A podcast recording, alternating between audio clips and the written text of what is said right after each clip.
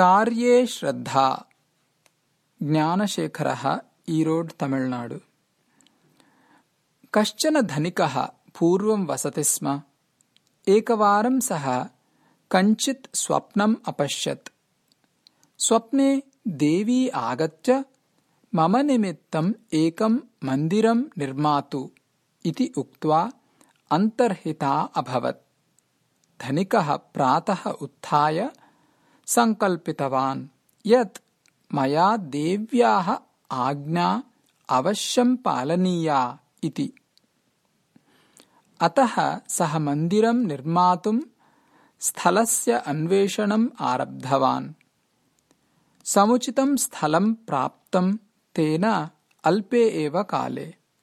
तत्र मन्दिरनिर्माणकार्यम् अपि आरब्धम् ततः सः देव्याः मूर्तिं निर्मातुम् उत्तमस्य शिल्पिनः अन्वेषणम् आरब्धवान्।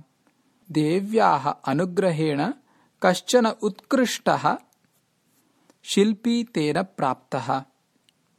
धनिकः शिल्पिनं प्रणम्य स्वस्य मनसि देव्याः मूर्तेः यत् स्वरूपम् आसीत् तत् विवृतवान् तदानुगुण्येन शिल्पी श्रद्धया भक्त्या च मूर्तिनिर्माणकार्यम् आरब्धवान्। मूर्तिनिर्माणकार्यसमापनसमये अनवधानताकारणात् मूर्तेः मुखे लघुः कलङ्कः जातः। तस्य दर्शनात् शिल्पी नितरां खिन्नः मम समग्रः प्रयासः विफलः जातः इति सः अचिन्तयत्। ततः सः नूतनायाः मूर्तेः निर्माणम् आरब्धवान्। केषाञ्चित् दिनानाम् अनन्तरम् धनिकः शिल्पिनः समीपम् आगतवान्। तत्र देव्याः मूर्तिद्वयम् आसीत्। एतत् दृष्ट्वा महत् आश्चर्यं प्राप्नुवन् सः धनिकः शिल्पिनम् अपृच्छत्। महोदय मया तु एकस्याः एव मूर्तेः निर्माणं सूचितम्।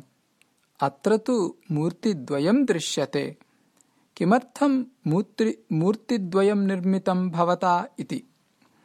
तदा शिल्पी अकथयत्। महाशय प्रथममूर्तेः मुखे एकः लघुः कलङ्कः जातः अनवधानताकारणात्। अतः मया नूतना मूर्तिः निर्मिता इति। तत् श्रुत्वा धनिकः पुनः अवदत्। को वा पश्येत् तं लघुं कलङ्कम्? सूक्ष्मदर्शनात् अपि मया तु कस्याञ्चिदपि मूर्तौ कोऽपि कलङ्कः न लक्षितः एव इति। तदा शिल्पी अवदत् महाशय अन्यः पश्यति वा न वा।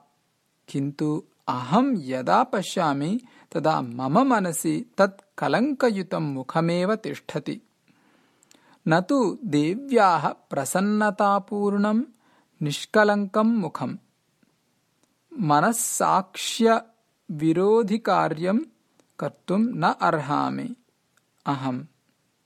अतः अतः एव अपरा मूर्तिः निर्मिता मया कलङ्करहितायाः देवीमूर्तेः प्रतिष्ठापनं जातं चेदेव मम तृप्तिः भवेत् न अन्यथा। धनिकः तस्य विशिष्टस्य शिल्पिनः कार्यश्रद्धां दृष्ट्वा नितराम् आश्चर्यान्वितः अभवत्। समाप्तः